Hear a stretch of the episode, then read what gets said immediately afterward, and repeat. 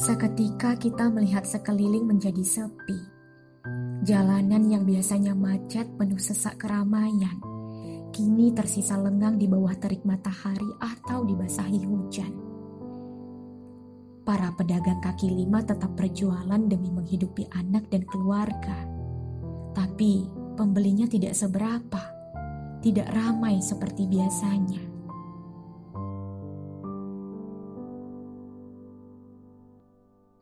Anak-anak sekolah berseragam berlarian setiap pagi. Kini tidak lagi kita temukan. Tidak ada lagi bapak ibu guru yang menyambut kehadiran peserta didiknya di depan gerbang. Sekolah-sekolah ditutup. Tidak ada lagi aktivitas belajar di dalam kelas. Kampus-kampus juga ditutup. Tidak ada lagi keramaian mahasiswa yang berdiskusi di dalam kelas. Atau sekadar mengerjakan tugas di pelataran kampus.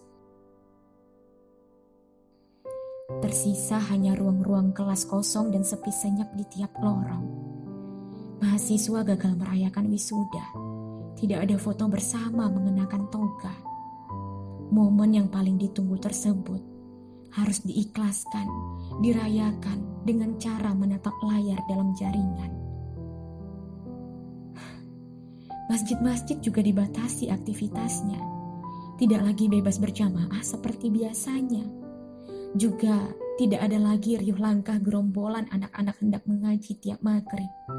Sebab kini mereka pun disuruh hanya diam di rumah saja. Rumah sakit penuh, sesak dengan ketegangan dan kekhawatiran.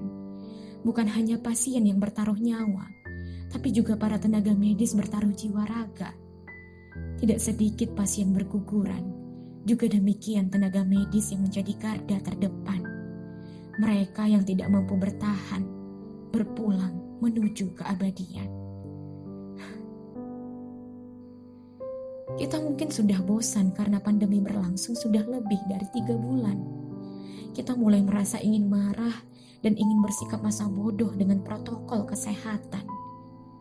Sebagian orang mulai putus asa, ingin menyerah saja dengan keadaan yang ada. Tapi coba dengarkan lagi suara hati. Apa benar menyerah adalah solusi?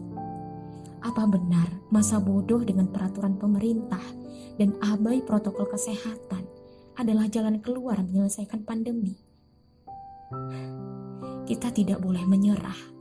Kita harus tetap tabah berperang melawan wabah Duhai bumi, lekas sembuh. Duhai kita, kita bisa memenangkan peperangan ini jika ada kesabaran hati, simpati, juga empati.